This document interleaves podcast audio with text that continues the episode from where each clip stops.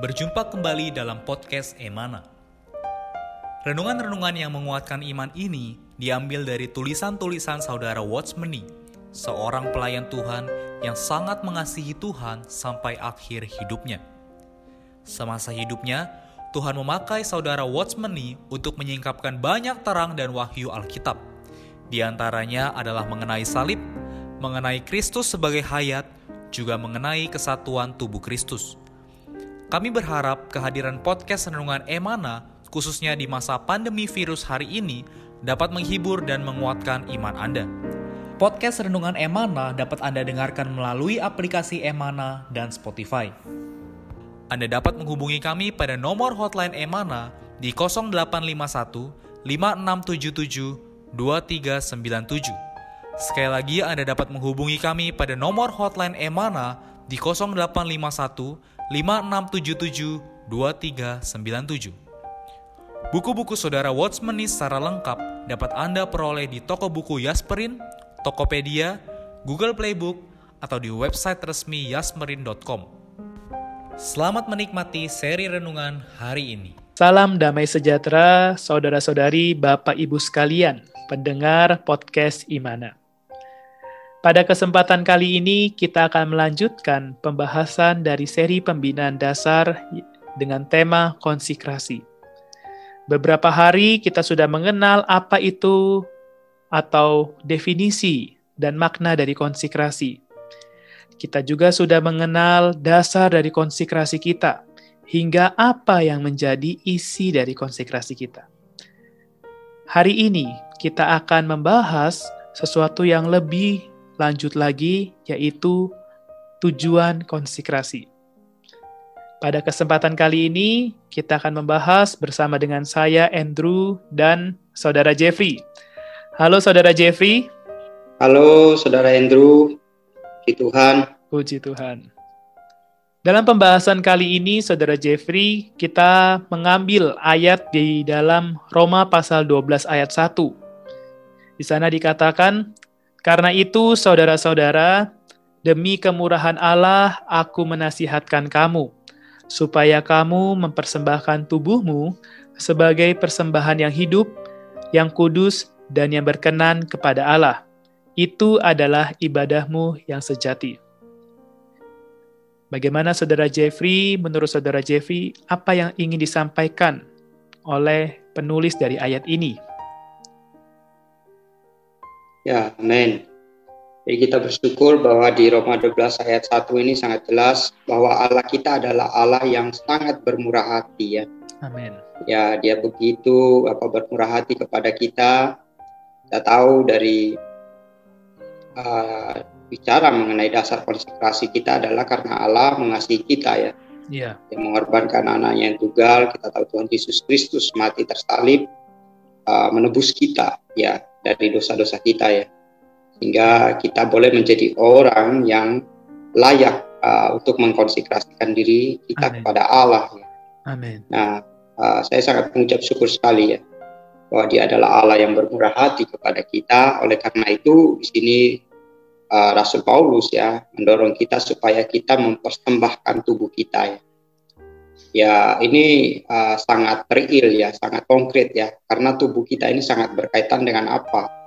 Dengan waktu, dengan tenaga kita, dengan harta kita, uh, dengan seluruh diri kita ya. Jadi persembahan kita yang apa? Uh, mempersembahkan tubuh kita ini, inilah yang paling sejati ya. Hmm. Kita tidak bisa mengatakan bahwa kita apa mempersembahkan diri kepada Allah tanpa mempersembahkan tubuh kita. Ya, jadi Terus dari pendengar yang terkasih, kita semua perlu belajar menjadi orang yang mempersembahkan uh, diri kita, mempersembahkan tubuh kita setiap hari untuk diisi oleh Tuhan bagi kemuliaannya. Amin. Amin. Puji Tuhan atas kemurahan Allah. Berarti kita hari ini perlu mempersembahkan tubuh kita. Baik, Amen. saudara Jeffrey, ini ada kutipan. Saya akan membacakan beberapa kutipan Tujuan konsekrasi bukanlah berkhotbah bagi Allah atau bekerja bagi Allah, melainkan melayani Allah. Jadi, tujuan konsekrasi adalah pelayanan. Istilah konsekrasi menurut bahasa aslinya mengandung makna melayani. Ingatlah, tujuan konsekrasi ialah melayani Allah. Melayani berarti berbuat menurut kehendaknya. Melayani belum tentu selalu sibuk bekerja. Kalau dia menyuruh berdiri, maka berdirilah. Kalau dia menyuruh Anda berdiri saja di samping, maka berdirilah di samping. Kalau dia menyuruh Anda berlari, maka berlarilah. Itulah melayani. Allah menghendaki agar semua orang Kristen mempersembahkan tubuhnya untuk melayani Dia. Belum tentu naik ke atas mimbar, belum tentu menuju ke daerah rawan atau perbatasan untuk menginjil di sana, melainkan melayani Allah. Melayani Allah adalah seumur hidupku. Ini berjalan pada jalan melayani Allah. Segalanya adalah untuk melaksanakan kehendak Allah, untuk mencari perkenan Allah. Saya berhenti sampai di sini dulu, Saudara Jeffrey. Di sini cukup menarik. Dikatakan bahwa melayani berarti berbuat menurut kehendaknya. Bagaimana menurut Saudara Jeffrey?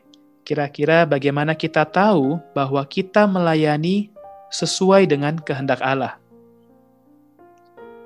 Ya, di Tuhan ya. Ini uh, satu kata yang umum ya. Kita dengar bahwa kita harus melayani Allah. Tetapi saya di sini uh, benar-benar kembali diingatkan ya, diterangi lagi ya, bahwa melayani Allah itu adalah berbuat menurut kehendaknya. Dalam pikiran kita secara umum adalah melayani pasti harus sibuk ini itu melakukan banyak hal ya tetapi sini ditekankan adalah uh, melayani itu adalah berbuat menurut kehendaknya.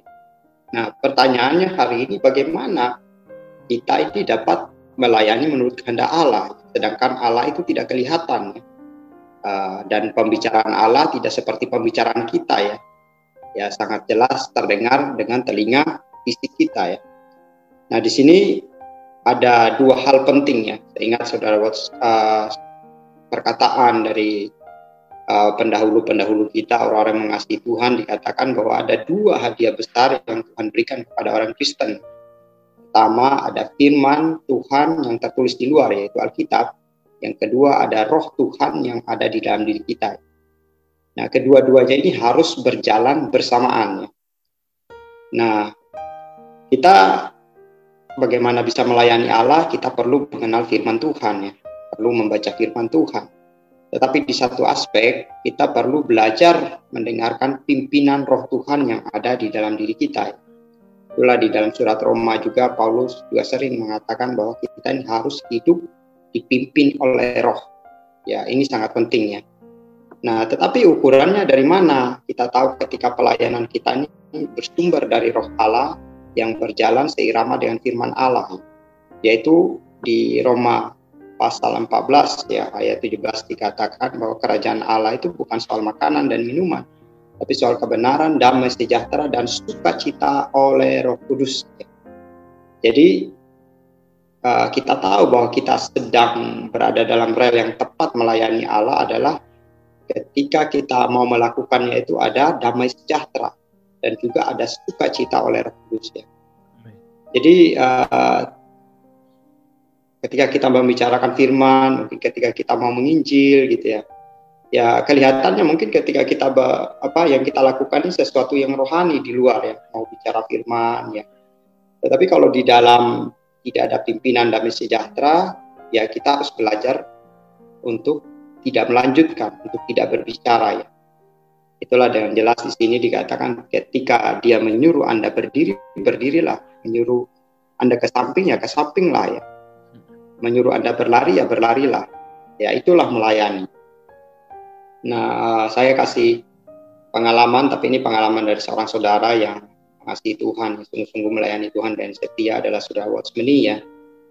Ya cukup dipakai Tuhan luar biasa, yang menginjil banyak orang diselamatkan ya di daratan China ya. Uh, di banyak kota dia mendirikan gereja-gereja lokal. Ya.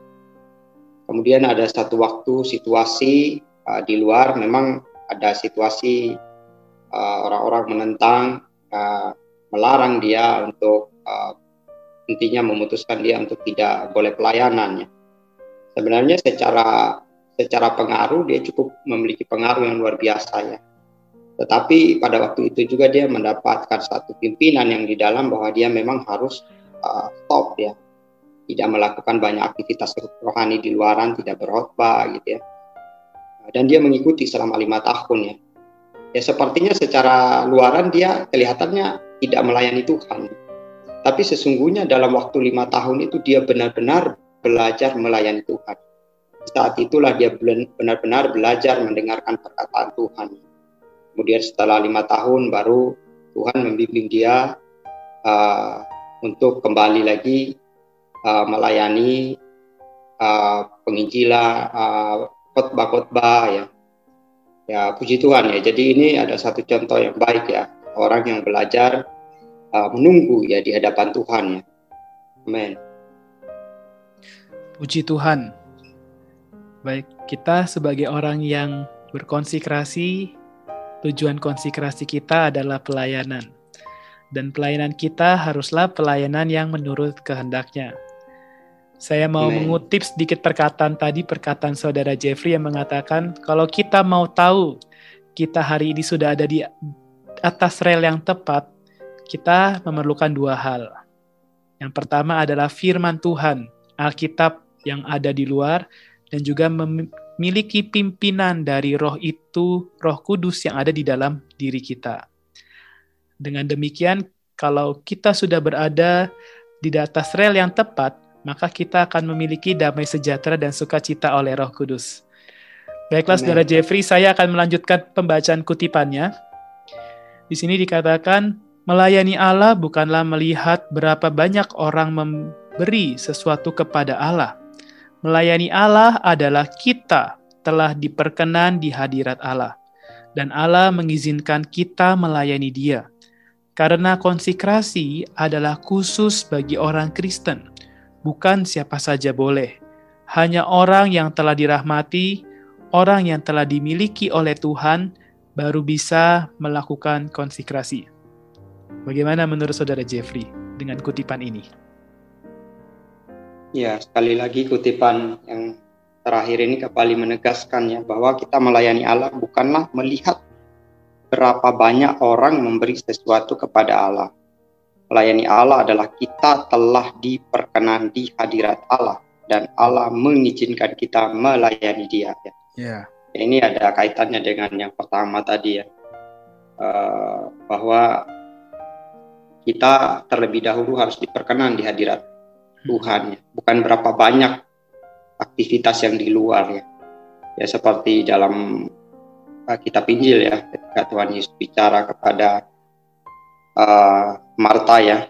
Marta yang sibuk di luar gitu ya. Tapi Tuhan mengatakan ya lihatlah Maria ya. Dia telah mengambil apa uh, bagian yang tepat ya. Duduk mendengar ya. Mm-hmm. ya pertama-tama harus duduk mendengar uh, barulah bisa melayani Tuhan dengan tepat sering kali kita ini ya saya juga kembali diingatkan ya bahwa berpikir bahwa melayani Allah itu harus melakukan banyak hal di luar ya. Ya tentu bukan berarti kita sama sekali tidak melakukan apa-apa ya, tetapi dasarnya adalah kita harus diperkenan oleh Allah barulah kita bisa melayani Allah dengan tepat. Amen. Dan juga perlu diingat bahwa tidak semua orang bisa melayani Allah ya. Hanya orang-orang yang sudah uh, mendapatkan rahmat ya atau dalam hal ini adalah orang-orang yang sudah peroleh selamat, yang sudah percaya kepada Tuhan. Jadi benar-benar ini adalah satu hak yang istimewa bagi kita hari ini. Amin. Puji Tuhan untuk hak istimewa kita hari ini. Satu hal yang bisa kita peroleh pada pembahasan hari ini bahwa tujuan konsekrasi kita adalah untuk pelayanan. Dan pelayanan bukanlah menurut kita, namun menurut kehendaknya. Satu hal yang perlu terus kita ingat bahwa kita melayani Allah karena kita telah diperkenan di hadirat Allah dan Allah mengizinkan kita melayani Dia. Puji Tuhan, saudara-saudari, Bapak Ibu sekalian pendengar podcast Imana, pembahasan kita untuk tujuan konsekrasi sudah selesai. Saya meminta dalam kasih kepada saudara Jeffrey bisa menutup pembahasan kita hari ini dengan doa. Amin. Kita berdoa, Tuhan kami mengucap syukur padamu. Amin. Tuhan Engkau membimbing kami mengenal tujuan dari konsentrasi adalah melayani Dikau. Tuhan melayani Dikau bukanlah banyak melakukan aktivitas yang di luaran, tapi pertama-tama adalah mengenal kehendakmu, bahkan bersatu dengan kehendak Tuhan. Tuhan, ampuni kami jika kami melayani masih seluruh kehendak kami sendiri. Bahwa kami belajar melayani seluruh kehendakmu, lalu setiap hari datang pada firmanmu, dan juga hari demi hari hidup menurut pimpinan rohmu yang di dalam kami. Tuhan Yesus, ini adalah satu hak yang istimewa Tuhan terima kasih, berkati kami semua, berkati seluruh pendengar. Dalam nama Tuhan Yesus kami berdoa. Amin. Amin. Baik, terima kasih Saudara Jeffrey. Tuhan Yesus memberkati. Sekian podcast Renungan Emana hari ini. Kami akan kembali pada seri berikutnya. Anugerah dari Tuhan Yesus Kristus dan kasih Allah dan persekutuan Roh Kudus menyertai kita semua.